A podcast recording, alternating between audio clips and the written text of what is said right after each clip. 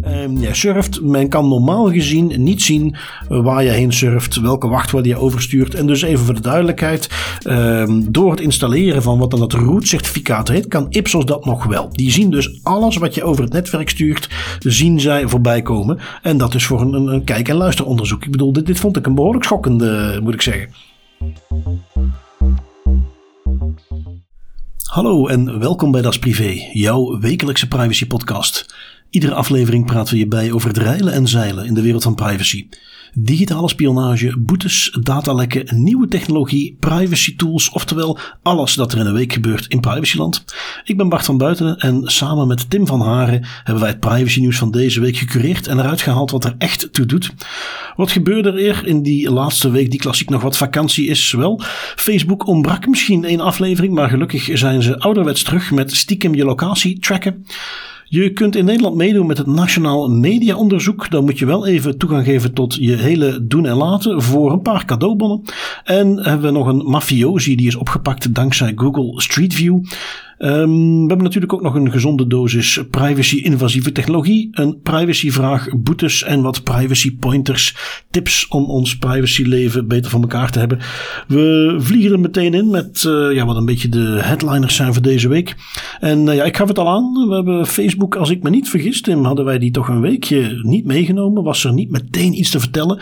Maar ja, goed, uh, zoals we altijd zeggen, Facebook aan de Facebook, ze zijn weer terug. Um, degene die ik had meegenomen is een artikeltje wat ik op Forbes zag, maar kwam uiteraard op, meerdere plekken terug. Um, je weet uiteraard dat Facebook als het even kan probeert om jouw locatie bij te houden. Um, dit specifieke issue doet zich voor op de iPhone. En daar heb je, zoals natuurlijk ook uh, wellicht op Android, de mogelijkheid om te zeggen: ja, ik wil niet dat Facebook mijn locatie trackt. Um, nu, ondanks dat je zo'n locatie uitzette, of dat je die, die functie uitzette, dat je specifiek aangaf: ik wil niet dat Facebook mijn locatie weet. Ja, Facebook is natuurlijk Facebook en die ging toch proberen om op allerlei manieren die locatie alsnog eruit te kunnen achterhalen.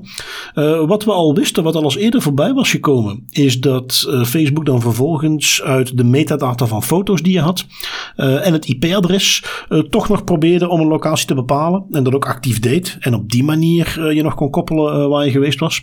Maar nu heeft een, een, aantal mensen, een aantal onderzoekers, die hebben de iPhone-app is goed onder de loep genomen en die hebben vastgesteld dat een van de dingen die jou de app ook trackt, um, je accelerometer is. Gegevens van je accelerometer. En je weet, in je telefoon heb je klassiek drie sensoren. Uh, je hebt de GPS, je hebt de gyroscoop die bewegingen bijhoudt. En dan heb je de accelerometer die dus bijhoudt hoe snel je beweegt. Uh, of, of er trillingen zijn die waarneembaar zijn.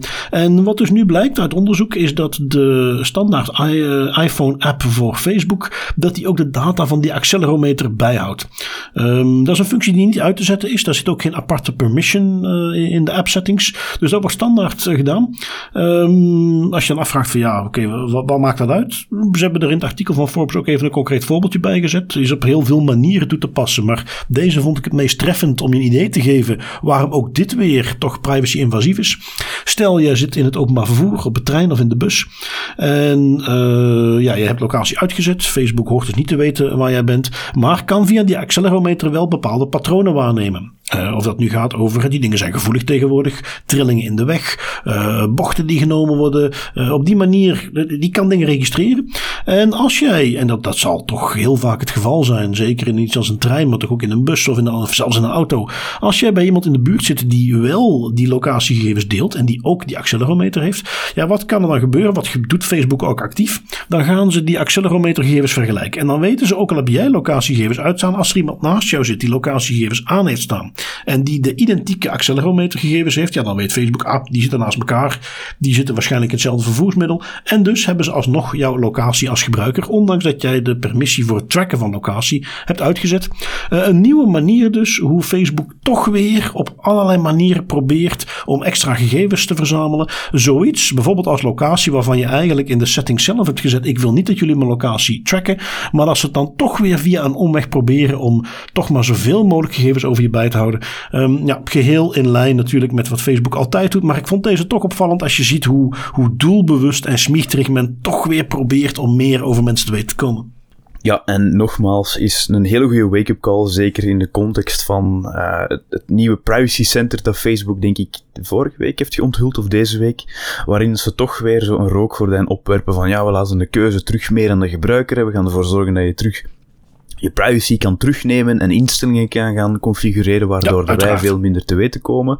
Ja, dat is allemaal leuk en wel, maar als je dan inderdaad een verhaal zoals dit te horen krijgt, ja, dan besef je, Facebook, dat is gewoon een rookgordijn en op de achtergrond, zeker op de gigantische schaal die Facebook heeft, kunnen zij gewoon nog veel meer. En dat is typisch Facebook, hè. alles moet uh, plaatsmaken voor de groei van het bedrijf. Ja, en uh, of we dan uh, datzelfde bedrijf even willen gaan toevertrouwen als wij de metaverse ingaan en wij alles uh, digitaal, virtueel gaan doen. of we dan toch vooral even Facebook daar toegang toe willen geven tot wat we daar allemaal doen. Ja, ik, ik denk het niet. Um, als ik dan ook zie, en, en daar kijk ik wel naar uit, een klein zijstapje daarbij, maar dat is iets wat heel nauw aansluit bij dat metaverse. Ik heb recent, heeft iemand mij eens de VR-ervaring laten meemaken. Ik, ik wilde dat al heel lang, maar echt zo'n ding gaan kopen, toch te weinig tijd voor een VR-headset. Dus dat heb ik niet gedaan, maar er was uh, iemand die langskwam en die mij zijn, het was geloof ik de Quest 2, eens heeft laten proberen. Ja, fantastisch spel natuurlijk. PlayStation 5, als je hem ooit te pakken kunt krijgen. Ik, ik ben nog wel een beetje een gamer, uh, maar die heb ik toch ook nog niet uh, te pakken gekregen. Maar goed, daar zit ook weer een nieuwe VR-functie in. Om maar te zeggen, dat komt steeds meer. Um, het is toch iets wat heel langzaam ook wel aan het doorbreken is. En ja, als je dan gaat bedenken dat Facebook dus ook daar zijn voet aan de grond wil krijgen. En ook daar met dit soortzelfde technieken, maar dan nu hoe jij je in zo'n VR-omgeving beweegt. ook al die gegevens zou kunnen gaan verzamelen. Het, het wordt toch steeds ongemakkelijker als je erover nadenkt wat voor macht er bij dat bedrijf zit. Ja, de ongemakkelijker. Al moet ik ook wel toegeven, we moeten inderdaad wel een beetje schrik hebben voor de toekomst, want er wordt enorm veel ingezet op VR. Maar ik heb ook al eens, um, mijn broer heeft recent ook een VR-bril gekocht, mm ook al eens uitgeprobeerd. En ik moet ook wel toegeven hoe cool die technologie ook is. We zijn nog wel een, een serieus eind verwijderd van een metaverse, waar dat we gewoon bij wijze van spreken niet meer uit ons bed komen en volledig online leven. Het is allemaal leuk, er zitten veel gimmicks in, maar ik denk niet dat het voorlopig de realiteit gaat vervangen. Ook al is dat waar dat meta dan een beetje op doelt. Nee, of dat nee, er ooit nee, komen, dat is een andere vraag. Maar ik denk dat we voorlopig zeggen, nog safe zitten. Al moet ik zeggen, ik was best wel onder indruk hoor. Ik, uh, ik heb al heel lang niet meer zo'n VR-ding opgehad. En hoe dat er tegenwoordig uitzag, uh, daar, daar kwam toch al aardig in de buurt. Ik zeg van oké, okay, daar, daar, kan ik me wel even mee vermaken. Uh, maar inderdaad, wat nu vervanging ja, gaat worden van alles wat wij eh, doen. En dat dat onze nieuwe werkomgeving wordt en zo. dat zie ik inderdaad ook nog niet gebeuren. Um, nu goed, ja, uh, het is maar weer een, een, extra manier hoe wij mogelijk in de toekomst media consumeren. En het is natuurlijk iets wat mediaproducenten graag in de gaten willen houden. Hoe wij dat doen en daar allerlei onderzoekjes voor hebben. Zo heb je in uh, Nederland al heel lang, en dat zul je in België ongetwijfeld ook hebben, het uh, kijk- en luisteronderzoek. Uh, iets wat vroeger bestond uit een kastje wat jij vervolgens uh, aansloot bij je tv. En dan konden ze kijken wat, jij, ja, wat je keek, welke programma's je keek. Dat was iets wat jaarlijks gebeurde. Iedereen zette zo'n kastje neer. Um, de mensen die deelnemen toch, hè, dat waren duizenden mensen. En dan kreeg je een representatief uh, onderzoek. Waar kijken mensen naar? Um, nu goed, en daar is geen dieet meegenomen, Tim. Um, dat onderzoek gaat met zijn tijd mee. Men zet nieuwe technieken in. Daar had iemand wel iets over te zeggen over hoe ze dat tegenwoordig aanpakken. Wat had dat precies, uh, hoe pakte men dat precies aan? Ja, ja, en uh, niet de minste. Jaap Henk Hoekman, toch wel echt niet de minste in Privacyland. En ook al is te gast geweest op de podcast. Die ging eens door de privacyverklaring van het Nederlands Nationaal Media Onderzoek. Wat dat eigenlijk ja, de nieuwe vervanger is van het bekende kijkonderzoek. Waarbij de Nederlandse overheid en een aantal marktonderzoeken zoals Ipsos toch proberen om het lees, luister en kijkgedrag van de Nederlanders in kaart te brengen. En Jaap Henk, die had daar toch een aantal dingen op te zeggen, uh, die verontrustwekkend zijn. Hè. Die is door die privacyverklaring gegaan, door die brochures.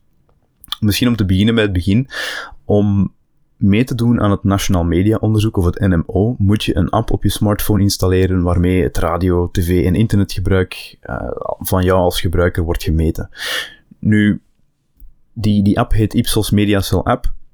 En die app doet eigenlijk drie dingen. Eerst en vooral monitort, die via je microfoon naar welke radio- en tv-zenders je luistert of kijkt, op basis van audiosignalen die uitgezonden worden, die blijkbaar niet te horen zijn voor het menselijk oor, maar wel opgepikt worden door een digitaal device zoals een smartphone. Die app maakt daar dan lokale unieke codes van, zodat men kan weten van, ah ja, kijk, die kijkt naar dat programma of die luistert naar die radiozender. Wordt allemaal doorverzonden naar Ipsos, zodat Ipsos dat weet. Maar, en dat is eigenlijk, hoe verontrustwekkend het ook al klinkt, het meest onschuldige van de drie dingen dat die app doet. De andere twee zijn een pak erger. Um, zo installeert die app een speciale VPN die al uw internetverkeer reroute langs, langs Ipsos. En dus nu kan Ipsos alle IP-adressen zien die je bezoekt. Maar dat is nog lang niet genoeg, want Ipsos wil ook graag natuurlijk meekijken waar je op het internet naar zoekt. Dus installeer ze maar meteen een root-certificaat op je smartphone. Nu, we kunnen daar een heel technische uitleg aan geven, maar in essentie komt het erop neer dat wat Ipsos betreft, die internetverkeer in, dat, in de meeste gevallen niet langer versleuteld is en ze alles kunnen zien wat jij op die moment doet als jij een internetverbinding hebt, als jij op websites aan het browsen bent.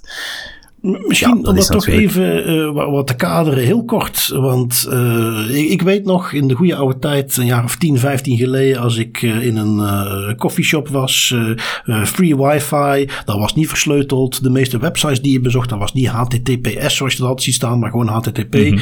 En ik heb daar dan wel eens een toeltje aangezet, dat heette toen, ja ik weet niet meer hoe het toen heette, dat het nog een naam, maar Wireshark. in ieder geval, als ik dat aanzette, kon ik precies zien wat er over het netwerk ging. En in die tijd, als iemand dus naar Google ging en die tikte in, uh, uh, die, die tikte een zoekopdracht in wel. Die zag ik precies in mijn schermpje voorbij komen. Als die op dat netwerk zat, die tikte dat in. Dat zag ik voorbij komen.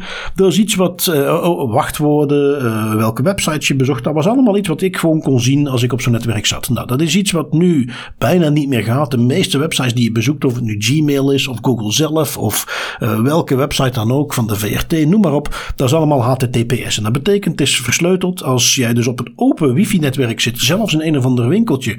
Um, jij surft, men kan normaal gezien niet zien waar je heen surft, welke wachtwoorden je overstuurt. En dus even voor de duidelijkheid, um, door het installeren van wat dan het root certificaat heet, kan Ipsos dat nog wel. Die zien dus alles wat je over het netwerk stuurt, zien zij voorbij komen. En dat is voor een, een kijk- en luisteronderzoek. Ik bedoel, dit, dit vond ik een behoorlijk schokkende, moet ik zeggen dat was de schokkendste van de drie, inderdaad. Want alles, dat mag je wel bijna letterlijk gaan nemen. Hè. Dat gaat niet alleen over de zoekopdrachten die je invoert in je browser, maar ook alles dat je op die moment met je smartphone aan het doen bent. Uh, transactieverkeer van bankapps, wachtwoorden die je ingeeft ergens, aangezien dat alles gewoon op ja, internet via pakketjes wordt verstuurd. En zij kunnen dat gewoon allemaal inkijken voor een kijk- en luisteronderzoek, wat dat echt ja, totale waanzin is. Nu, het wordt nog waanzinniger, want als we, en ik, ja, de, de blog die Jaap Henk heeft geschreven is uitvoerig. Ik raad ook iedereen aan om hem zeker eens te lezen. We zetten hem in de show notes. Dit zijn de highlights.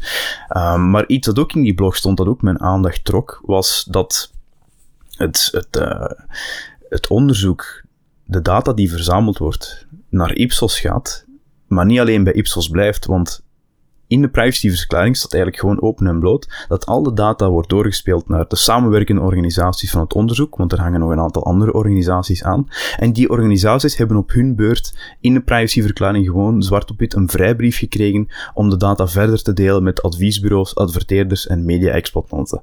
En dan wordt het helemaal gek, hè, want je geeft eigenlijk Ipsos een volledige transparante toegang tot je leven, want er gebeurt heel veel op je smartphone, bankapps, uh, e-mailverkeer, Teams-chat, chatberichten, whatever. Het gebeurt er allemaal op. Dat, kan u best een realistisch beeld geven van wie jij bent als persoon en wat dat jij doet in je dagelijks leven.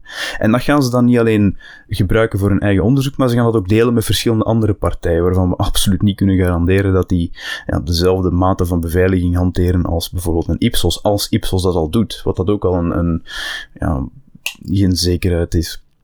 Nu, dat gezegd zijnde, oké, we zijn hier misschien wel wat paniek aan het zaaien, maar er is een, silver lining. Want je krijgt natuurlijk wel een cadeaubon en zoals we allemaal weten, ja, we hebben toch niks te verbergen, dus wat maakt het nog uit? Nee, absoluut. En, en kijk, die gegevens die Ipsos verzamelt, ja, ze zijn natuurlijk alleen maar geïnteresseerd in de dingen die met het kijkgedrag te maken hebben. Dus ze verzamelen allerlei dingen meer, maar daar doen ze niks mee. Toch in ieder geval tot die gegevens doorgegeven worden aan uh, de partners wellicht.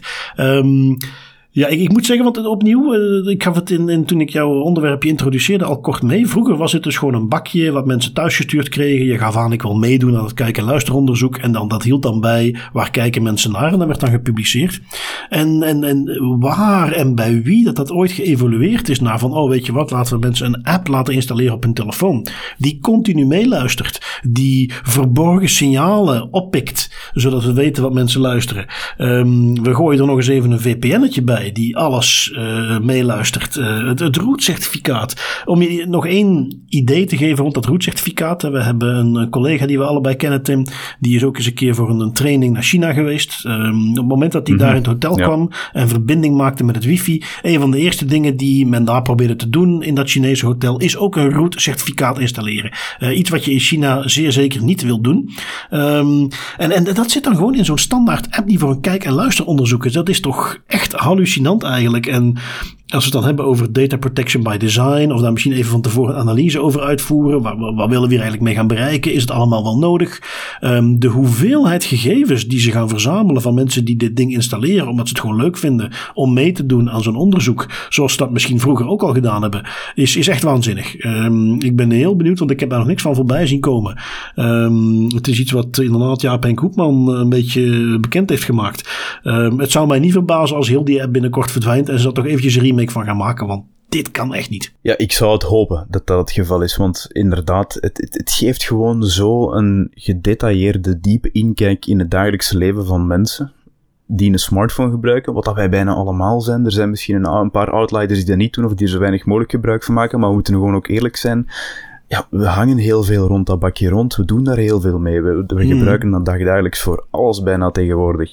Dus zo een, een diepe, legt, dat, je legt gewoon volledig alles bloot via een smartphone. Dat is echt gek. En dat allemaal voor uiteindelijk een, een uh, ja, lees, luister en kijk mediaonderzoek. Qua proportionaliteit kunnen we daar nog wel even over discussiëren. Ja, laten we het zeggen, er, er zijn wellicht minder privacy-invasieve manieren om hetzelfde doel te bereiken. En dat is toch een van de basisprincipes. Dan moeten we dat misschien gaan doen. En niet op deze manier, inderdaad. Um, even zien, wat had ik nog meegenomen? Ja, eentje die ik uh, oorspronkelijk tegenkom op de BBC, maar ondertussen heb ik die zo wat werkelijk op ieder uh, kanaal uh, voorbij zien komen. Um, en dat is een artikeltje dat gaat over Manuel. En Manuel die woont in Spanje, in uh, Galapagos, een, uh, een, klein dorpje in de buurt van Madrid. En is daar een graag geziene gast, woont daar al twintig jaar. Heeft oorspronkelijk een, restaurantje gehad. Uh, stond bekend als een hele goede pizzeria. Uh, waren ook wat Siciliaanse gerechten die je daar kon krijgen. Um, heeft uiteindelijk wat, wat discussie gehad met uh, iemand in de gemeenteraad. heeft ook gedreigd om die persoon toch behoorlijk pijn te doen. Omdat zijn pizzeria moest sluiten. Maar goed, Manuel ging niet bij de pakken neerzitten. En heeft ook vervolgens een klein groentemarktje, supermarktje geopend. Um, El Huerto de Manu. Dus de, de, tuin van Manu. En ja, was, was gewoon zijn ding aan het doen, was gewoon Manu aan het zijn. Uh, maar op een gegeven moment werd het dorp opgeschrikt door een inval van de politie. Um, getuigen die vertelden over wat er gebeurde, is dat ze in eerste instantie dachten van oei, er is toch niks met Manu gebeurd, want er stond ineens overal politie rond dat winkeltje. Um, aan de rand werd wat duidelijker wat er aan de hand was. Want het ging eigenlijk over uh, Gioacchino Gamino, uh, 61 jaar, een veroordeelde moordenaar uit Italië die al 20 jaar voortvluchtig was. Um, was kennelijk daar ter plekke dus uh, veroordeeld. Uh, een bekende mafiosi um, had vervolgens de gevangenis ontsnapt en was vertrokken. Um, de politie had wel wat onderzoek, hadden wat leads dat hij zich waarschijnlijk ergens in Spanje bevond. Maar konden het niet goed pinpointen, hadden wat tips gekregen dat het misschien in Galapagos was. Men is wat onderzoek gaan doen en is onder andere Google Street View gaan gebruiken om, om dat dorpje wat verkennen. En kwam op een gegeven moment ook voorbij, ja, zoals het dan gaat, Google Street View heeft natuurlijk de straat mooi in kaart gebracht. Ook alle winkeltjes die men voorbij kwam. Heeft natuurlijk wel alle gezichten van de mensen netjes gemaskeerd, geblurred. Maar er viel toch iets op toen men bij El Huerto de Manu voorbij kwam. Want de man die daar stond leek toch wel heel erg veel op die voortvluchtige mafiosi. En enig onderzoek later maakte duidelijk dat het inderdaad om die mafiosi ging. Die daar dus ja, ondertussen een bestaan had opgebouwd, getrouwd was, een dochtertje had. Um, is dan opgepakt. De politie heeft effectief aan de hand van dus die Google Maps, die Google Street View beelden, die uh, mafiosi kunnen identificeren. Uh, toen die opgepakt werd, uh, na verluid, dat blijkt toch in alle artikelen die ik erover las, werd nog uitgeroepen van ja, maar hoe hebben jullie me nu gevonden? Ik, ik heb al tien jaar niet, zelfs niet meer met mijn familie gebeld. En ja, ik, ik, vond het een mooi voorbeeldje, want het is ook wat Google Street View altijd aangaf van ja, maar wij anonimiseren mensen nog. Kijk maar, wij blurren iedereen. ja, wat nog maar eens benadrukt dat het feit dat ze toevallig gezichtjes blurren niet helemaal hetzelfde is als echt anonimiseren. Op het moment dat jij iets meer weet over iemand of, of op specifieke kenmerken let, dan is iemand perfect te identificeren. Dus dat is niet anonimiseren. Um, geeft ook nog wel eens aan, want misschien dat men nu als argument gaat aanhalen van ja, maar kijk, dat is toch alleen maar voor het goede. We hebben een mafiosi opgepakt, maar dat is voor de rest iedereen die toevallig op straat was toen dat karretje voorbij reed, dat die ook op dat beeld staan en dat je niet per se een misdaad hoeft te begaan om er toch een probleem mee te hebben dat je daarop staat, is iets wat ze natuurlijk in Duitsland heel goed kennen, waar Google Street View niet bestaat, om precies die redenen. Daar was men zich bewust van het privacy issue. Maar desalniettemin vond ik dit wel een, een leuk voorbeeldje van, goed, in dit geval wel gelinkt aan criminele activiteiten, maar wat dus toch de impact kan zijn van het feit dat we eigenlijk over heel Europa Google hebben laten rondrijden en alles in kaart hebben laten brengen. Wat een waanzinnige samenkomst van toevalligheden ook. Hè. Dat is toch één kans op de miljoen. Ik vind dat zo'n geweldig voorbeeld van, van ja, hoe dat alles toch kan samenkomen. Die vent moet daar al staan, die auto moet op het juiste moment voorbij rijden. Die agenten moeten dan ook nog eens exact de straat vinden waar dat, dat groentewinkeltje hangt, waar dat die event rondhangt. Dat is zo, dat zo gek dat ze dat effectief hebben kunnen doen. En het is, ja, ik, uh, ik zou niet weten wat er nu in zijn hoofd zou omgaan. Gewoon vol ongeloof. Ja, nee, dan, eh, dan denk je dat je het goed voor elkaar hebt. En dan opnieuw, op het moment dat je al twintig jaar uh, het goed voor elkaar hebt, uh, een nieuw bestaan hebt opgebouwd. En dan, ja, goed, omdat Google. want ja, opnieuw, als je daar nog eens op die manier over nadenkt, die zijn dus al jarenlang rijden die met autootjes rond met 360 camera's. we hebben de vorige week hadden we het nog over hoe de politie dat wil gaan doen met hun auto's. Wel, Google doet het al, al, al ondertussen misschien zelfs al decennia, want dat bestaat ook al lang. Um, kijk, het enige waar ik dan bang voor ben, is dat men dan dit voorbeeld continu gaat gebruiken als er nog wel eens gesproken wordt over de privacy impact van Google Street View. Om te zeggen van ja, maar kijk, dit zijn al de goede dingen die we doen. Want ja, we hebben hier natuurlijk weer zware criminaliteit te pakken. Uh, wie weet wat voor dingen ze nog meer opgelost hebben om de heilige drie-eenheid van privacy schendingen weer waar te maken. Maar um, ja, uh, is een keer wat anders. En, en ja, een, een, natuurlijk redelijk bijzonder hoe dat gebeurd is. Um, het is een ander voorbeeldje van politiediensten die wat dat betreft toch wel met hun tijd meegaan en, en uh, tools inzetten om uh, criminelen op te pakken. En dat is ook het artikeltje wat jij nog had meegenomen van uh, Vice.com over de Anom cryptophones. Um, waar de FBI dus eigenlijk een eigen cryptophone bedrijfje had opgezet en had verkocht aan criminelen, die telefoons. En daar is nog iets meer van bekend geworden over wat ze daarmee konden doen en wat ze daar precies mee verzamelden. Ja, ja de, de cryptophone rabbit hole goes deeper. De Anom, dat cryptophone bedrijf hebben we er vorig jaar ook al een aantal keer over gehad. Die stiekem door de FBI werden gerund. En die eigenlijk heimelijk elk bericht opnam dat door de gebruikers van de telefoon werd verstuurd. Daar is nu nog iets meer mee aan hand, want nieuwe documenten onthullen nu ook dat het nog veel verder gaat. Naast de inhoud van de zogezegd dan geëncrypteerde berichten, werd ook gewoon persoon de exacte GPS-data van gebruikers verzameld. En dat is toch niet niks, want eigenlijk gaat dan nog verder in tegen de, de marketingpraatjes die Anom, de, de, het Anom zelf dan verkocht aan de gebruikers. Um, want Anom zei eigenlijk, het bedrijf zei, kijk, ja, wij verkopen smartphones volledig geëncrypteerd waarvan zelfs de capaciteit om locatiedata te bepalen volledig was uitgeschakeld.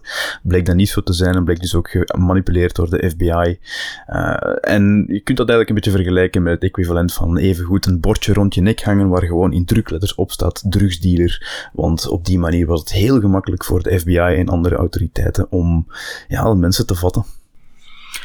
Ja, het is iets waar ik nog wel eens die uh, discussie heb gehoord. Uh, van ja, hadden ze dat nu wel mogen doen? En, en waren dit geen privacy schendingen? En ja, waar het duidelijk mogen zijn dat wij uh, zelf echt wel aan de kant van de privacy staan. Maar ook voor degenen die dat destijds gemist hebben. Het gaat hier dus om telefoons die, zeker in dit geval, eigenlijk gewoon gemarket worden voor criminelen. Hè? Waar, waar heel duidelijk wordt mhm. geschetst op, de websites, uh, waar het abonnementsgeld ook gaat over een paar duizend euro per maand. Iets wat normale mensen niet zomaar kunnen betalen.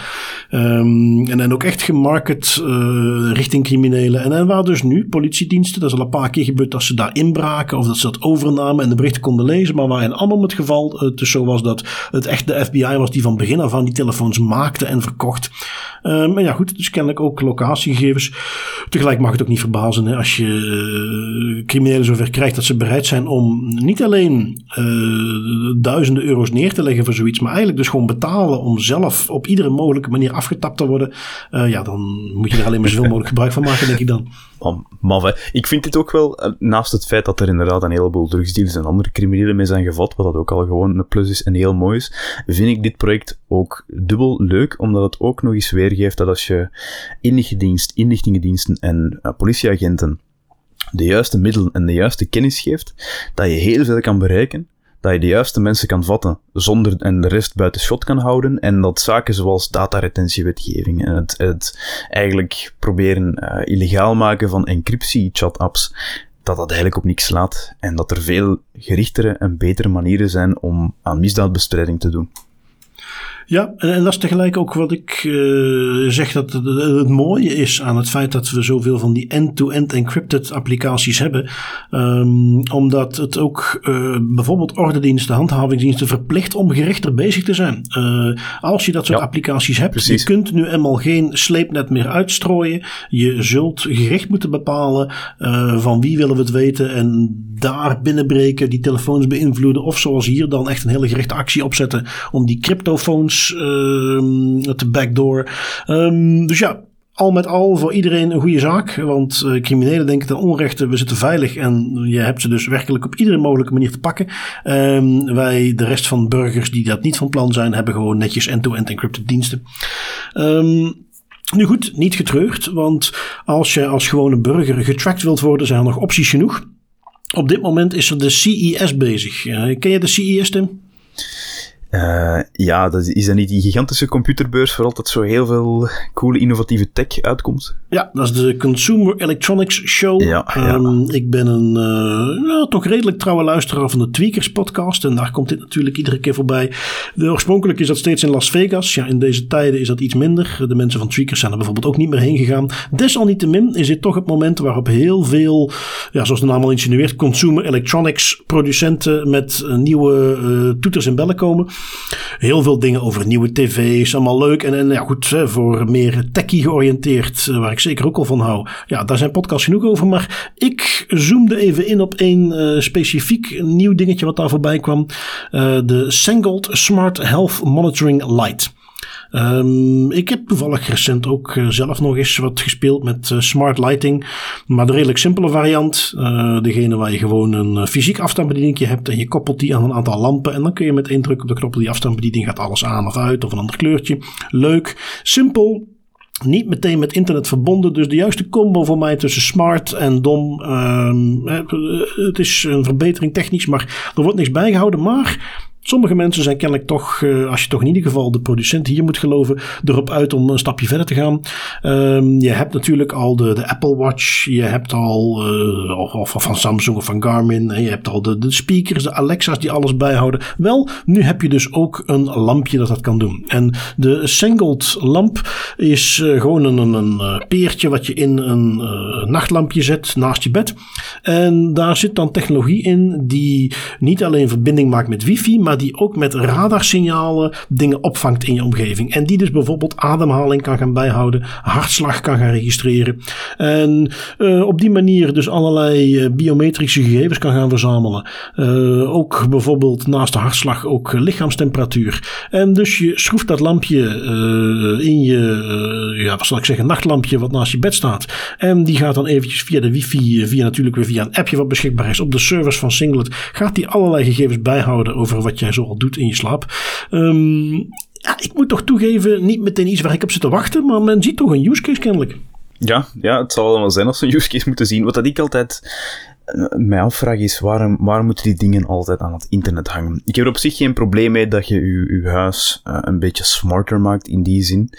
Um, waar ik wel echt graad aan in zie, is dat alles aan het internet moet hangen en dat alles van op afstand bestuurd moet kunnen worden en al die data, waarom kan dat niet gewoon lokaal? Ik ben een heel grote fan van smart devices in woningen. Hè. Domotica die op een lokaal netwerk hangt, die geen rechtstreekse verbinding heeft met een, internet, met een internetverbinding, zodat je dat dan ook vanuit een ander huis gaan, kan gaan besturen of zo, voor welke reden dan ook.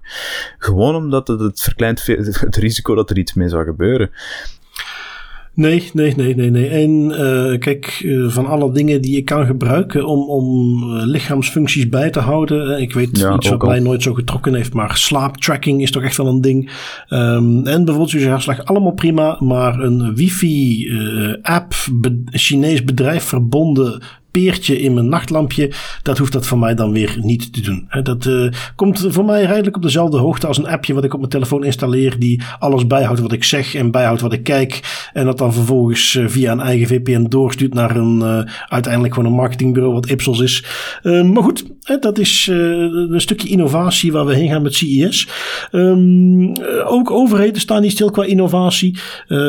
als we even kijken, hebben we het iets dichter bij huis over allerlei registers die bijgehouden worden en waar men zeer innovatief mee om moet gaan. En een van die registers is iets wat de Nationale Bank bijhoudt uh, over bankrekeningen in België, uh, wat daarop staat. En dat is een artikeltje wat jij hebt meegenomen, Tim, van de tijd, waar men dan nog eens op inzoomt wat daar nu eigenlijk mee gebeurt met dat register en hoe vaak dat gebeurt.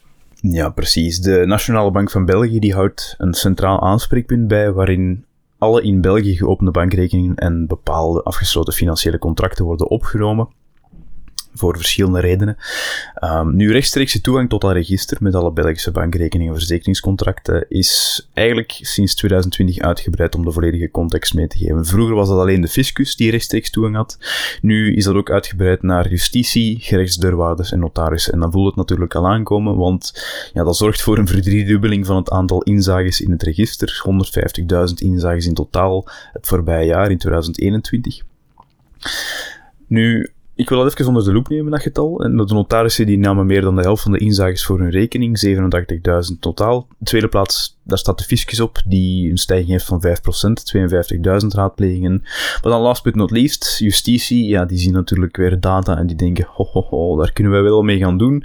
Dus 10.000 inzages, vijf keer zoveel als in 2020, waarbij dat ze nog langs een hele uh, ingewikkelde procedure moesten gaan. Nu is het een pak gemakkelijker.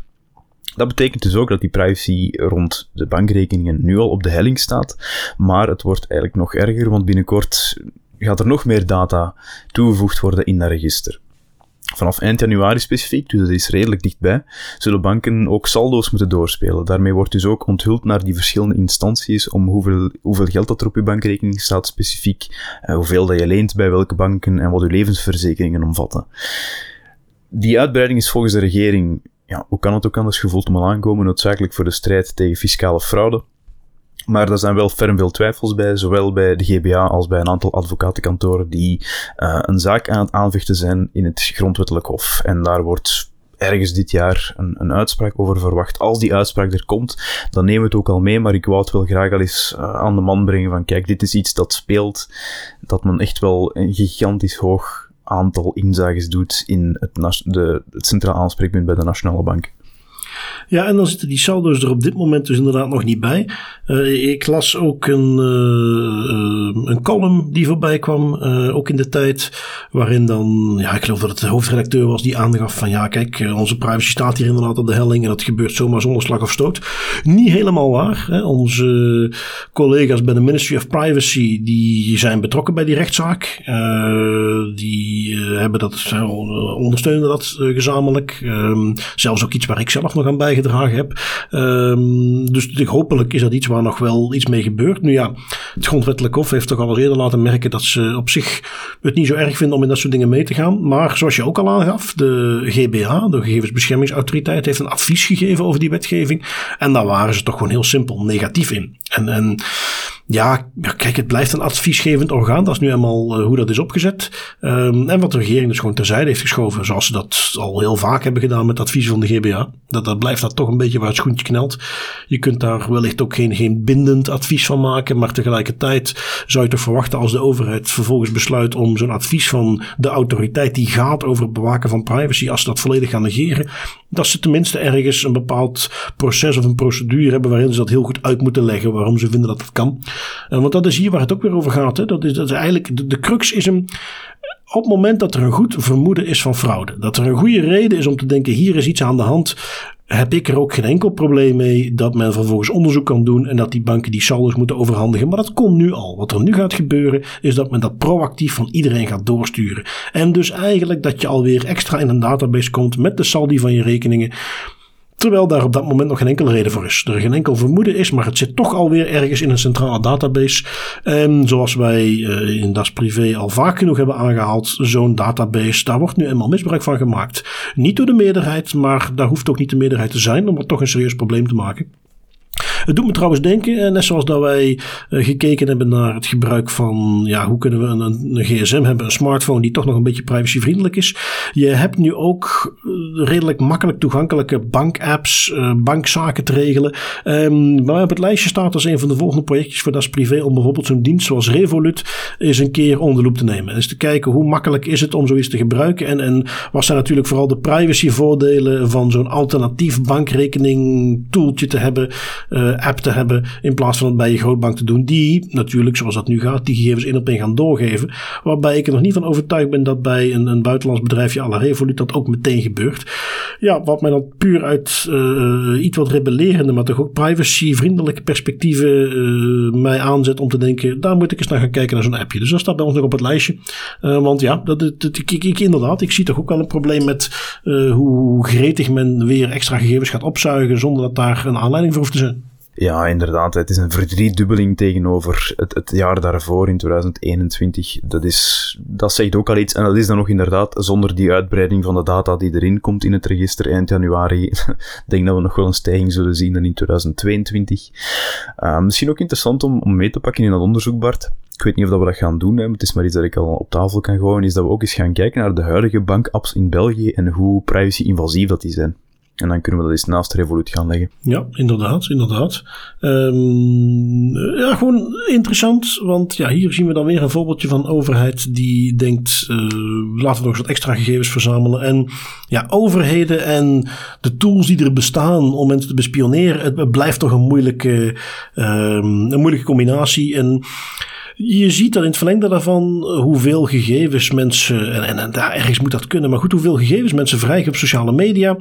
Um, het is niet vreemd dat er bepaalde overheden zijn die daar likkenbadend naar kijken en denken, daar moeten we toch iets mee kunnen doen. En het is dan weer iets verder van huis, maar het is iets wat op zich uh, prima hier ook zou kunnen gebeuren.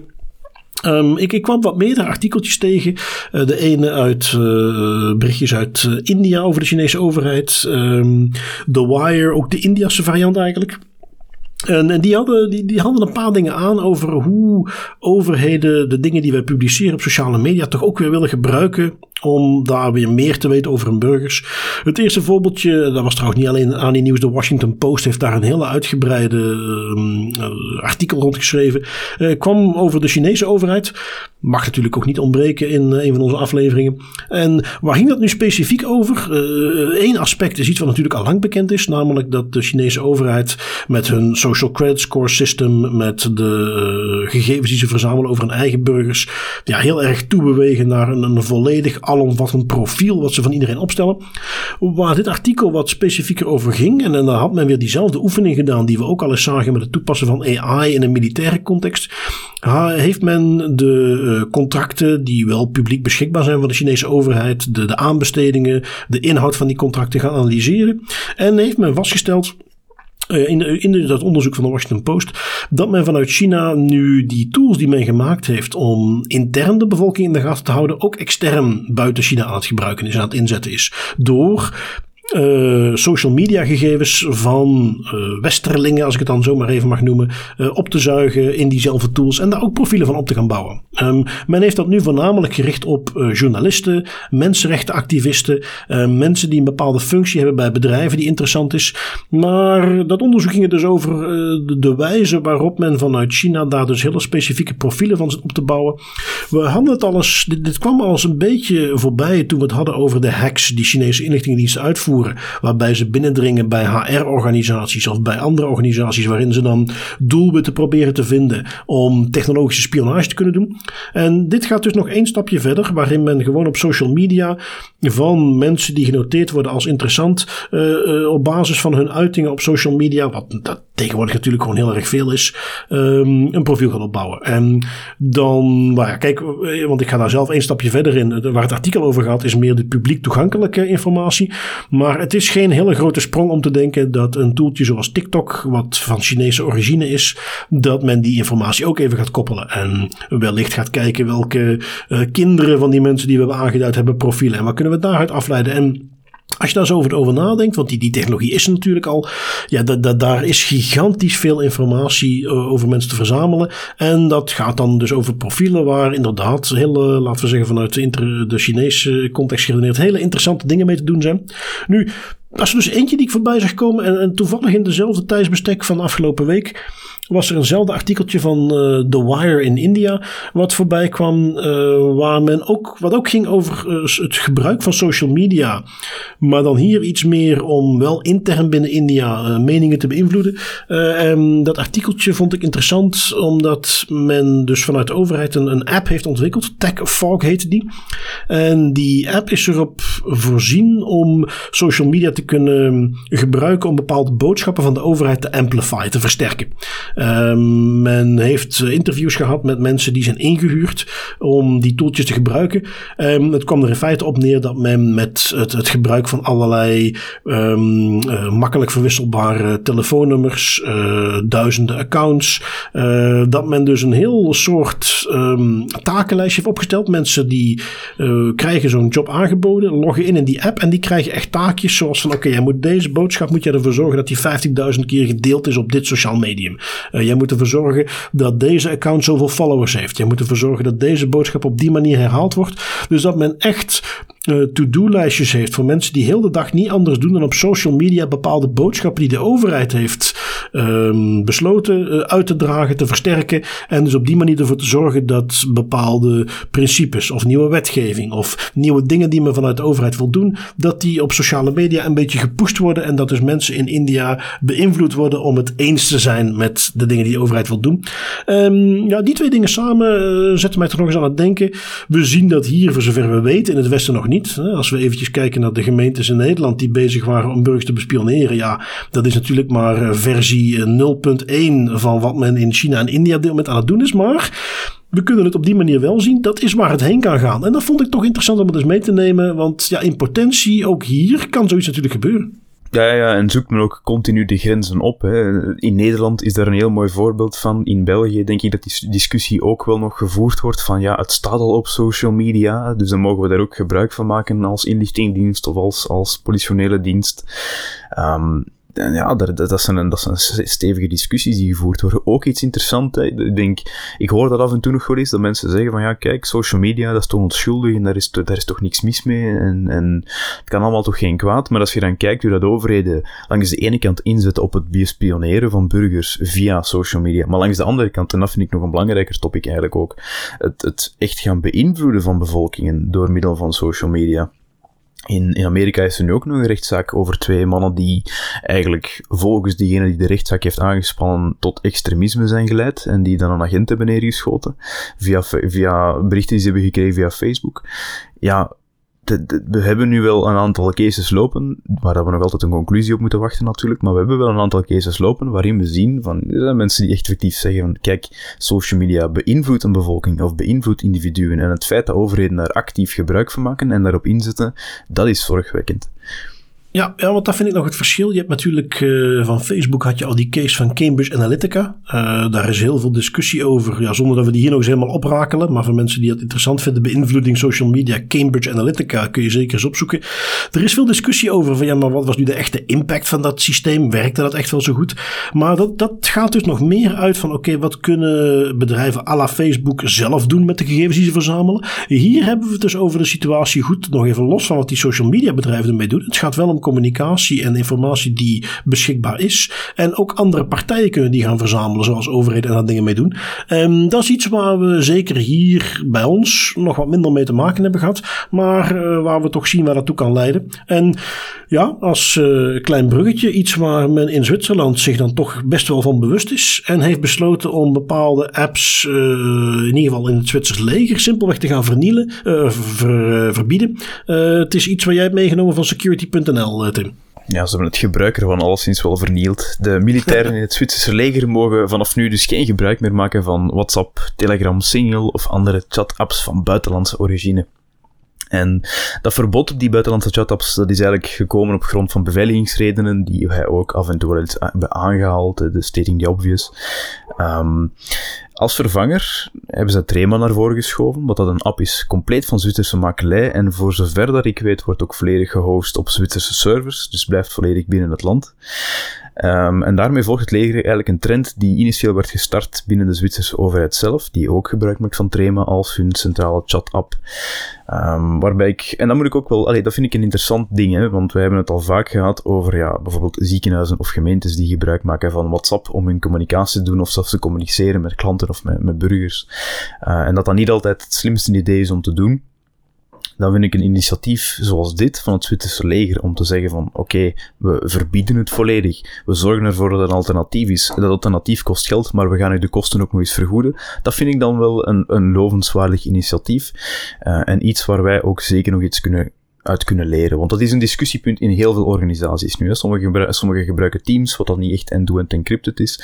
Anderen gebruiken WhatsApp, Signal, noem het maar op er is niet echt een, een, een, duidelijkheid. En in private organisaties is dat één ding, maar binnen overheidsinstellingen zou je inderdaad nu wel verwachten dat er één app is die ze zeggen van kijk, dit is de app die we gaan gebruiken en niks anders.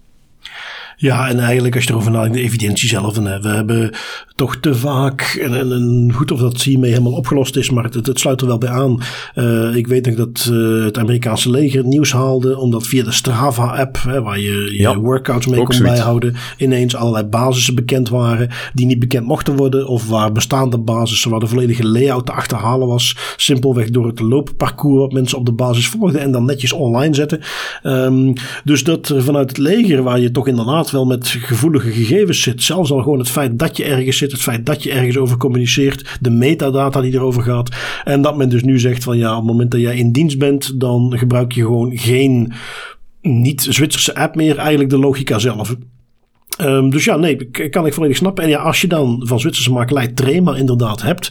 Uh, eentje die bij ons, ik moet ook toegeven, dit is er eentje die ik zelf nog niet uh, ooit gebruikt heb. Niet per se, want ik geloof het kost 2 of 3 euro om die te downloaden. Dus dat is niet het grote probleem. En, en ik weet wel dat Trema uh, bij inlichtingendiensten, ook buiten Zwitserland, toch wel bekend staat als een van de apps. Naast, denk ik, toch echt Signal, die men kan gebruiken. maar dat men dus hier nu in Zwitserse leger gewoon heel simpel zegt, dit wordt de nieuwe regel. Ja, eigenlijk als je erover nadenkt, de logica zelf.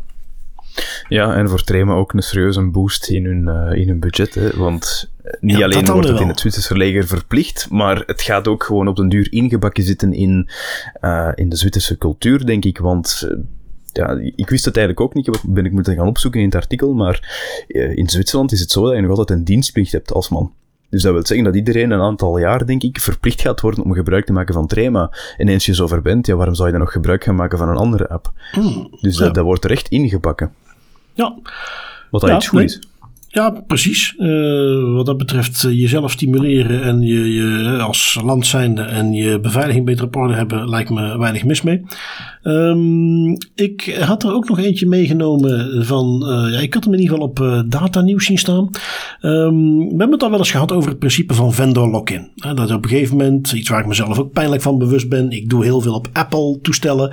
En ja, op, op den duur kom je op een punt dat je zegt van ja, als ik dat allemaal achter me zou moeten laten, omdat ik nu vind dat de diensten van Android beter zijn, of ik wil ineens weer naar Windows toe, dat wordt niet evident. Nou, dat hele principe, wat je zowel als privépersoon kunt hebben, maar zeker ook in een bedrijfscontext, als alles wat je hebt nu helemaal op Microsoft draait. En, en je niet zomaar eventjes naar iets anders toe kunt. Dat heet vendor lock-in. En we gaan de komende jaren kennelijk een nieuwe variant van de vendor lock-in kunnen zien. Um, we weten natuurlijk dat uh, ook in de automotive, in auto's, uh, al steeds meer uh, met, met 5G, 4G, simkaarten in de auto's zelf gegevens op en neer gestuurd worden. Men gaat nu nog een stapje verder, want ook die auto's, de, de software die erop draait, die gaat nu echt naar de cloud. Het gaat niet alleen maar eventjes om gegevens die verzameld worden op de auto, die dan doorgestuurd worden. Nee, nu gaat het echt over real-time in de cloud gaan draaien. En Stellantis is uh, een van de grote autobouwers die nu een contract heeft afgesloten met Amazon. Uh, misschien niet de bekendste naam, maar als ik je dan vertel dat, dat het uh, concern is waar ondertussen Fiat, Chrysler, PSA, Peugeot, Citroën en dergelijke achter zitten. Ja, dat is dus een, een behoorlijk groot deel van de automarkt. En die hebben dus nu een, eh, een, contract afgesloten met Amazon. Dus uh, vanaf nu, uh, vanaf nu, bedoel, dat gaat natuurlijk wel even tijd kosten. Maar het hele systeem in die auto, de interactie die je daar hebt, is de bedoeling om het allemaal op de achtergrond te laten draaien op de cloudomgeving van Amazon. Integraties met uh, Alexa zitten ook duidelijk in scope. Um, ja, het is toch iets als ik dat lees waar ik toch een beetje ongemakkelijk van word. Als nu straks ook al, want uh, het is niet alleen Stellantis die dit nu doet met Amazon, maar natuurlijk uh, doen andere cloudpartijen dat ook. Ford gaat dan weer met Google samenwerken. Um, Microsoft is dan weer met Volkswagen en GM in zee gegaan. En dus binnenkort heb je ook daar weer een verspreid landschap van allemaal uh, autofabrikanten, wiens, uh, alles wat je op je dashboard ziet op de achtergrond ook weer gewoon draait op een cloud. Um, ja, dat was toch een van de laatste bastions, onze auto, waar we ook heel veel tijd in zitten, waar je wel wist dat er wat gegevens op en neer gestuurd worden, maar waar we dus nu zien dat ook daar weer gewoon een volledige cloud opzet ingezet kan worden. En uh, ik moet zeggen, als ik dat las, ik vond dat toch heel erg jammer om voorbij te zien komen. Ja, we gaan binnenkort denk ik allemaal terug met de fiets gaan, dan kunnen we nog een voorbeeld nemen aan de Nederlanders. Totdat ze daar dan ook weer al een cloud in gaan steken. Hè? Dan hebben we het dat weer voor. Zeggen, wat, wat, denk je dat er in al die elektrische fietsen zitten? Daar zit gegarandeerd ook een appje in wat synchroniseert ja, met de cloud. waarschijnlijk. Het is te laat. Te voet. Oh ja, wanneer dan heeft met een smartwatch het ook. Het is om zeep, Bart. Ik nee, uh, nee, vrees ja, dat er niks meer We kunnen maar gewoon net zo goed uh, ons overgeven aan de big tech. Uh, ja, maar, maar goed, opnieuw, dat mogen zo zijn tot op zekere hoogte nu al. Maar dus dat dat straks ook in die auto's overal nog eens bij zit. Um, want ja, je moet je voorstellen, nu, nu is dat niet, hè, maar ik zie het al helemaal voor me hoe ik straks uh, op mijn uh, computer bezig ben op mijn Gmail. Misschien in Chrome OS of op een Chromebook bezig ben. Op mijn telefoon op Android zit. En vervolgens als ik in de auto stap eventjes synchroniseer en dan connectie maak. Als ik dus kennelijk met Ford rij, wat met Google gaat. Um, dat daar alles ook nog eens eventjes synchroniseerd is. Ja, dan, dan, en ik wil daar niet per se zo dystopisch over doen, maar dan heb je dus gewoon een bedrijf zoals Google, wat werkelijk overal in zit. Of de andere variant, uh, ze maken dan gelukkig geen telefoons meer, of toch niet met een eigen operating maar Microsoft, Microsoft Windows. Je doet alles op Teams, je hebt alles op OneDrive en je stapt dan in je auto. Uh, als je een Volkswagen rijdt, waar dan ook alles meteen even gesynchroniseerd is. Ook daar komt weer alles samen. Um, ja, net zoals we daar straks zeiden, ik word er toch een beetje ongemakkelijk van. Ja, ongemakkelijk is het juiste woord. En het is iets dat we ook al vaak hebben meegenomen. Hè? Auto's en de digitalisering van auto's en hoe dat allemaal in elkaar zit en toch stelselmatig evolueert naar, je kunt het al inderdaad bijna een dystopische situatie gaan noemen, hier ook. En, en ja, die vendor logins, hè, inderdaad, zoals je het al zegt, Google gaat dan inderdaad overal in zitten, maar stel dat je dan wilt verwisselen van auto en dat is geen Google auto, als we dan gaan we dat begrip al gaan gebruiken, is het een Google auto, is het een Amazon auto, whatever ja, dan, dan gaat dat nog een pak lastiger worden. Ja, ja, ja, inderdaad. Ja, ja, je haalt een goede aan, want dat, dat wordt dus nu straks de reden om voor een bepaalde auto te kiezen. Van ja, maar ja, ik rijd ondertussen al zo lang met een Ford en dat zit dus allemaal in Google Auto. En ja, als ik nu met een, uh, Renault wil gaan rijden, ja, dat is op Microsoft en dat, dat, kan ik niet zomaar overzetten. Dan gaan we daarin nee. terechtkomen. Ja, nee. Dan, is, dan gaat het niet meer over merken gaan van de auto zelf, maar gaat het gewoon over gaan van ja, hoe gemakkelijk is het om mijn account over te zetten van auto A naar auto B. Ja, ja wat dat betreft eventjes een das privé, das beter aan de grote automerken. Uh, bezint eer je begint. Want voor je het weet nemen die grote providers, big tech, nemen jullie over. Niet omdat ze jullie overgekocht hebben en jullie aandeelhouders blij zijn. Maar gewoon omdat de software van die dingen alles bepaalt in je auto. En mensen dus eigenlijk kiezen voor je software en niet meer voor je auto. Is dat iets waar je echt op zit te wachten als uh, autoleverancier? Um, ja, interessant om uh, op te volgen. Dan gaan we eventjes door met uh, iets waar we dan ongetwijfeld ook mee te maken gaan krijgen. De datalekken van die gegevens. Nou, voorlopig nog niet. Um, we houden het even bij de andere soort datalekken die we dagelijks voorbij zien komen. Je hebt er eentje meegenomen van security.nl waar men daar even een, een reflectie maakt over de grote hoeveelheid datalek en hoeveel gegevens daar ondertussen allemaal in zitten. Ja, en het zijn eigenlijk twee datalekken die ik heb meegenomen, allebei van security.nl. Het een gaat uh, over Flexbooker, een afsprakentool die privégegevens van 3,7 miljoen gebruikers lekte. En de tweede tool, DatPiff, een online distributieplatform voor mixtapes. Dat heeft dan weer logingegevens, securityvragen en gekraakte wachtwoordhashes van 7,5 miljoen gebruikers gelekt, wat er ook niet mis is. En op zich staan die twee los van elkaar, maar toen ik, toen ik aan het schrijven van de show notes reflecteerde ik daar ook even over en dacht ik van ja, kijk, in beide artikels staat ook een referentie naar Have I Been Pwned, die website waar datalekken in terechtkomen, waarop je ook kunt op inschrijven, dan krijg je meldingen als je betrokken bent bij een datalek. En daar stonden ook de, de percentages in van het aantal e-mailadressen dat al eens bekend was via bij een ander lek op Have I Been Pwned. En bij Flexbooker was het aantal 90%, 69% uh, van alle e-mailadressen die gelekt zijn, waren al gelekt via een ander lek. Bij dat PIF lag dat percentage nog hoger. 81% van de e-mailadressen die toen gelekt waren, zijn ook op een ander moment al gelekt. En dat, is, dat zijn verrassend hoge cijfers. Hè. Dat, dat, het gaat hier over meerdere lekken en hetzelfde e-mailadres. En ik vind dat een zorgwekkende trend. En het toont ook nog maar eens aan hoe belangrijk een password manager en two-factor authentication is. Want de kans is namelijk groot dat je niet alleen je e-mailadres, maar ook de wachtwoorden gretig gaat hergebruiken. En dan is het feestje helemaal compleet, want er moet maar één site zijn zoals DatPiff die naast de logingegevens ook gewoon security vragen en gekraakte wachtwoordhashes lekt. En je hebt een hele waslijst van accounts die plotseling is gecompromitteerd. Ja, en ik vond die van Flexbooker gewoon als datalek had ik die ook uh, gezien. Um, als je dat gaat, ja, een afsprakentool, oké goed, dan kan iemand zien welke afspraken ik heb. Maar het deed me even denken aan iets wat ik uh, al een hele tijd veel zie. Of je nu in ziekenhuizen afspraken maakt of bij huisartsen, dat daar heel vaak zo'n toeltje onder zit. We hebben in, ook zelfs van Belgische makelij hebben wij meerdere van dat soort toeltjes die ik uh, herken, omdat ik daar ook wel eens professioneel naar gekeken heb. Waarbij ik me al vaak bedacht dat daar vaak ook zo'n vrij tekstveldje zit waar men ook van de huisarts dan aangeeft van ja, geef even kort aan waarom je een afspraak wilt, dan kunnen we daar rekening mee houden. En dat betekent dus dat wat eigenlijk op het oog een relatief simpele afsprakentool is van oké, iemand gaat daarheen op dat tijdstip, wat op zich al gevoelig genoeg kan zijn. Hè. Op het moment dat ik naar een oncoloog ga, ja, dat is niet om een gezellig koffietje te doen, dan heb ik waarschijnlijk al een bepaalde medische conditie waarom ik naar een oncoloog toe wil. Uh, maar op het moment dat er ook nog eens met vrije tekstvelden extra gegevens bij zitten, kan het al heel snel heel gevoelig worden. Dus zeker met als afsprakentools. En uh, ja, als je dan ziet dat uh, Have I Been Pwned, wat ik op dit moment uh, overigens zeg, dat is geen slechte tool. Dat is iets waar men met de beste bedoelingen gewoon bijhoudt wie waar betrokken is in een datalek, zodat je gewaarschuwd kunt worden. Um, daar ziet dat als zo'n datalek voorbij komt, dat men eigenlijk een beetje blasé moet constateren. Nou ja, bijna 70% van deze e-mailadressen die in dit datalek zitten, hebben we toch al in de database zitten. Dat is ergens natuurlijk al erg genoeg. Um, het enige wat we dan op kunnen hopen is dat uh, autoriteiten uh, de laatste tijd toch uh, beter bezig, dat die hard toeslaan als ze nog eens een keer een flinke overtreding zien. En hard toeslaan, dat is wat de KNIL in Frankrijk heeft gedaan. Um, die heeft uh, 210 miljoen boete opgelegd. Uh, 210 miljoen euro uh, voor Facebook en Google samen. Het gaat om precies om 150 miljoen voor Google en dan 60 miljoen voor Facebook. Um, wat ik hier leuk aan vond, sowieso. We hebben het al eens een paar keer gehad over de discussies rond de Ierse autoriteit. Waar die bedrijven vaak eerst langs moeten passeren. Omdat ze helemaal gevestigd zijn in Ierland. De KNIL, de Franse autoriteit, heeft er gekozen om zich te beroepen op een ander stukje wetgeving dan de GDPR, maar op de e-privacy richtlijn. Uh, beter bekend als de cookie-wetgeving. Daar zitten nog meer aspecten in, maar vooral bekend vanwege wat dat betekent voor cookies. Um, in tegenstelling tot de GDPR, wat een verordening is, wat betekent dit is een Europese wetgeving die overal hetzelfde is, is de e-privacy een richtlijn en geen verordening. Wat betekent dat iedere lidstaat daar zijn eigen uh, omzetting van heeft moeten doen. Dat is Europa, die maakt een stukje wetgeving. Iedere lidstaat moet daar dan vervolgens zijn eigen ding van doen.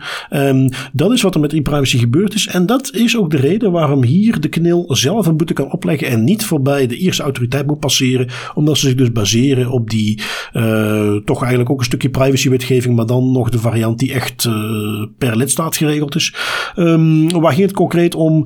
Uh, om het heel simpel samen te vatten. Dat, het is natuurlijk een gigantisch document wat eronder zit. Maar het kwam voor een heel groot deel neer op het feit dat op websites zoals facebook.com, google.fr en youtube.com het uh, weigeren van cookies of het intrekken van toestemming niet zo eenvoudig is als het geven van toestemming. Uh, vragen om toestemming is iets wat je op allerlei websites ziet hoe makkelijk men jou dat maakt met grote groene knoppen. Maar vervolgens die toestemming intrekken of gewoon op dezelfde plek kunnen weigeren, dat is aanzienlijk moeilijker wel. De KNIL heeft daar nu dus een boete van in totaal 210 miljoen euro opgelegd aan Facebook en Google. Um, ze hebben daarnaast ook nog eens drie maanden de tijd om de boel uh, op orde te zetten. Om het dus wel net zo makkelijk te maken om cookies te weigeren of die toestemming in te trekken. Um, ja, ik kan het alleen maar van harte toejuichen. Ja, zeker van harte toejuichen. Zeker omdat het hier eigenlijk gaat over cookies. Wat uh, ik soms toch wel het gevoel heb, het zwarte schaap is van de privacyfamilie. Dat zo wat in de hoek wordt geduwd van ja, we weten dat heel veel bedrijven zich daar gewoon niet aan houden, aan die regels, maar we kunnen er weinig aan doen. None of Your Business heeft er ook al eens een onderzoek naar gedaan, waar ze ook uit constateerden van gigantisch veel bedrijven die gewoon hun cookies niet op orde hebben, maar bij handhaving ontbreekt het gewoon. Dus om zo'n monsterboete toch maar rond cookies nog eens te zien, dat is altijd leuk. Dat is altijd wel fijn. Ja, en uh, goed, ja, sowieso was de knil uh, goed bezig. We hebben deze week zo waar, Tim, ik bedenk het me nu pas, maar geen AEPD. Dus, nee, I know. Uh, ik weet niet wanneer dus... het laatst gebeurd is. Maar goed, de knil heeft er dus nog eentje uitgedeeld. jij had hem meegenomen, ik geloof voor het bedrijfje Slimpay. Ja, we breken traditie met APD, maar uh, de knil save the day. Een boete van 180.000 euro aan betalende instelling Slimpay. Want Slimpay voerde in 2015 een intern onderzoek uit waarbij ze een hele hoop persoonsgegevens verwerkten in een databank. En na afloop van het onderzoek in 2016 hebben ze dan maar besloten om die gegevens te laten opslaan op een onbeveiligde server en te vergeten. En dat mag je ook vrij letterlijk nemen, want die server was vijf jaar lang toegankelijk gewoon op het internet met een rechtstreekse link. En dat is niet zo slimpay. En daar volgde uiteraard een datalek, waarbij ze ook nog eens hadden nagelaten om betrokkenen te informeren. Een boete van 180.000 euro als resultaat voor wat dat eigenlijk een, een ontzettende blunder is. Ja, dat denk ik dat dat uh, heel duidelijk is. Uh, een, een, klassieker die toch nog stiekem heel vaak voorbij komt. Data die alsnog publiek op het internet staat met een of andere database ja. waar je zo aan kunt zonder wachtwoord of iets dergelijks. Dus ja, lijkt me terecht dat daar een, een boete voor is opgelegd. Um, gaan we door met onze privacyvraag. Uh, Tom, een trouwe luisteraar, dat zie ik altijd graag. En die had een interessante vraag opgestuurd die te maken heeft met gsm-nummers in een werkcontext. Um, iets waar ik in het verleden ook al vaak genoeg mee te maken heb gehad, is dat je van je werkgever een betaalde gsm krijgt, een gsm-nummer. Je kunt dan ook je gsm-nummer overdragen. Um, Tom geeft zelf aan van ja, kijk, als ik die aanbieding krijg, dan hou ik dat strikt gescheiden. En dan loop ik desnoods maar met twee toestellen rond. Maar ik weet dat niet iedereen daarop zit te wachten. En dat het misschien verleidelijk kan zijn om toch wat geld te sparen door dat nummer dan over te dragen. En ja, als je dan de firma verlaat, uh, zou het dus kunnen zijn dat jij dat nummer wel of niet uh, terug mag krijgen. Um, wat Tom al aangeeft van ja, hoe moet je daar als werkgever dan misschien mee omgaan? Uh, misschien is het zelfs wel het interessantste, zeker ook als het gaat om mensen uit de verkoopdienst, dat je ze dat nummer gewoon niet teruggeeft. Um, wat is daar het, slimste uh, vanuit het werkpunt als werkgever? Ik trek de vraag een beetje breder. Uh, want ook naar privacy perspectief toe. Um, dat is natuurlijk ook al is het iets wat je professioneel gebruikt. Ja, het gsm-nummer tegenwoordig, dat is gewoon een persoonsgegeven. Dat is iets, het nummer wat ik heb, ik, ik weet niet hoe lang ik het al heb, maar dat is 15, ja, misschien dat dat, ja, nee, 20 jaar zal het niet zijn, maar het zal ook niet heel veel schelen. Dat heb ik al heel erg lang. En ik denk dat dat voor de meeste mensen geldt. Dat is iets wat vroeger, uh, toen ik geloof ik op mijn, was het geweest zijn, vijftiende mijn eerste gsm kreeg, dan heb ik in de jaren die volgden misschien wel drie, vier keer van nummer gewisseld. Maar dat is iets wat nu toch aanzienlijk minder makkelijk gaat en waar de meeste mensen inderdaad dat nummer meenemen. En ja, dan rijst de vraag dus inderdaad, wat voor recht heb je? Zeker, eh, stel je hebt dat overgedragen naar de werkgever, is dat dan toch eigenlijk ook niet iets waar je je recht op dataportabiliteit of uh, uh, recht om wat terug te krijgen zou kunnen inroepen?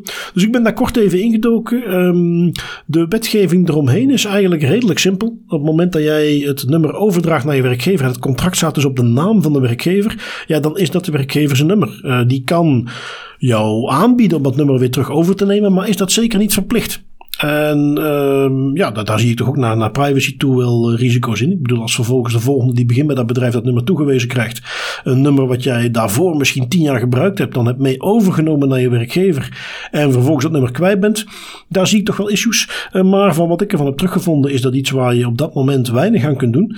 Um, dus de meest concrete tip die ik daar ook rond mee wil geven, is dat je dat van tevoren moet regelen. Op het moment dat jij dat nummer gaat overdragen naar je werkgever, we zien ook varianten waarbij de werkgever gewoon zegt: Oké, we betalen jou een vergoeding en je, je regelt het contract zelf. Dat, dat is zeker vanuit dit privacyperspectief lijkt me dat de simpelste en de meest praktische manier om het te doen.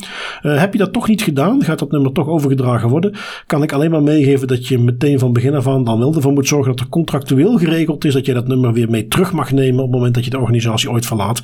Uh, dat bespaart je dit soort discussies, want strikt genomen, als het nummer op naam van de werkgever staat, kan die dat nummer dus ook gewoon behouden houden? Moet hij jou dat niet teruggeven als er niet is afgesproken? Hele leuke privacyvraag en eigenlijk een conclusie die je ook rechtstreeks kan doortrekken naar een heleboel andere privacyvragen die we al hebben gekregen of die we nog zullen krijgen. Maak goede afspraken met de mensen waarmee je mee omgaat en dan is er meestal geen probleem. Maar het is gewoon het feit dat die afspraken ofwel niet gemaakt worden, ofwel zo onduidelijk gemaakt worden dat het nog altijd niet te snappen is wat er moet gebeuren in een bepaalde situatie. Dat leidt dan tot ja, privacyvragen.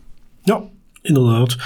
Dan uh, gaan we eventjes afsluiten, Tim, met uh, ja, ondertussen een beetje omvormen. Niet zozeer naar privacy tools, want die lijst begint een beetje uit te drogen. Als, in, nou, er iets nieuws voorbij komt, gaan we dat zeker meenemen. Maar per se iedere keer een tooltje meenemen, dat wordt toch lastig. We gaan er privacy pointers van maken, waarbij we of een tooltipje meegeven, of meer een algemene tip meegeven. Wat heb jij deze keer meegenomen, Tim? Ja, een, een tip en een discussiepunt. Um, ook iets waar ik graag met de community over eens zou willen discussiëren. Hè, want voor mij, ik krijg soms de kritiek aan, ah, je bent veel met privacy bezig en met data protection, maar je zit dan wel op Twitter of op LinkedIn en hoe strookt dat en dat kan toch niet. En voor mij blijft het belangrijkste aspect van privacy en alles waar dat wij, om het zo grandioos te zeggen, voor vechten nog altijd, dat het niet draait om extremen, maar vooral om de mogelijkheid om een keuze te kunnen maken. Je hoeft niet per se je hele digitale levensstijl de grond in te boren om serieus met privacy bezig te zijn. Dat is een misverstand dat ik regelmatig zie terugkomen. Als je dat graag doet, zoveel te beter. Doe je dat liever niet, vind ik ook niet dat je dat moet doen om serieus aan privacy te kunnen doen. Want dat, dat zorgt ook voor een situatie waarbij er maar twee contrasten zijn. Langs de ene kant heb je dan de mensen die bij wijze van spreken teruggaan in de tijd en terug domme technologie gaan gebruiken en geen, niet kunnen genieten van, van de innovaties die we momenteel aan het maken zijn. En een groep mensen die hun privacy volledig in het wilde weg wegsmijten en kunnen gebruik maken van innovaties. Eigenlijk zou het zo moeten zijn dat mensen die met privacy zich, van, zich bewust zijn van, van risico's met betrekking tot privacy en die graag wat meer privacy willen, dat die ook gebruik kunnen maken van alle nieuwe innovaties en dat er gewoon een keuze is in die innovaties om al dan niet meer of weinig data te gaan delen. Want anders gaan we gewoon naar een situatie waarbij dat dan niet het geval is, omdat de mensen die zich ervan bewust zijn en die er een punt van maken, dat die weggaan. Dus ik vind het belangrijk dat er gewoon een keuze is. Ja, en, en, en ja, de, eigenlijk kunnen we dat samenvatten als in uh, je kunt perfect met privacy bezig zijn, dat belangrijk vinden en toch gebruik willen kunnen maken van zelfs een toeltje zoals Facebook. Uh, ik ga je daar niet scheef om aankijken. Het feit dat ik het zelf niet wil gebruiken wil daarom niet zeggen dat jij dat niet mag. Je kunt met privacy bezig zijn en toch verwachten dat je dat soort tools zou moeten kunnen gebruiken zonder dat dat meteen een inbreuk met zich meebrengt. Um, dus ja, heel terechte privacy pointer. Ik heb er deze keer toch nog eentje meegenomen, want ik stelde vast, Tim, als ik ons lijstje met tooltips ging bekijken, uh, als het dan ging om uh, privacy-georiënteerde mail, dat er daar eigenlijk eentje schrijnend ontbrak. We hebben natuurlijk Proton Mail die ertussen staat. Wij proberen meestal van soorten tools er toch twee mee te nemen. Uh, niet vijf of tien zoals je op sommige lijstjes ziet. maar hier zag ik dus dat wij maar één mailtoeltje hadden. En dan ga ik een hele simpele meenemen. Dat is Tutanota. Um, een alternatief voor Proton Mail. Gewoon een, een veilige end-to-end encrypted mail provider. Um, en die kan ik van harte aanraden. Ik heb daar zelfs recent mijn eh, dochter een uh, Tutanota-adres aangesmeerd. Wat ze vanaf nu gaat gebruiken. Ja, dus er eentje die ik toch nog eventjes wilde meenemen als tooltip. Uh, privacyvriendelijke e-mail provider Tutanota. Ja, hele goeie. En bijna schandalig dat we, die, dat we, dat we een jaar podcast hebben moeten maken voordat deze in de tooltip is terechtgekomen. Hè? Want dat is toch wel eentje die voor de hand ligt. Dus het, is een hele ook, het, is een, het is een OG, hè? Die, die bestaat ook al heel lang. Dat is oh, niet eentje die zomaar gaat verdwijnen.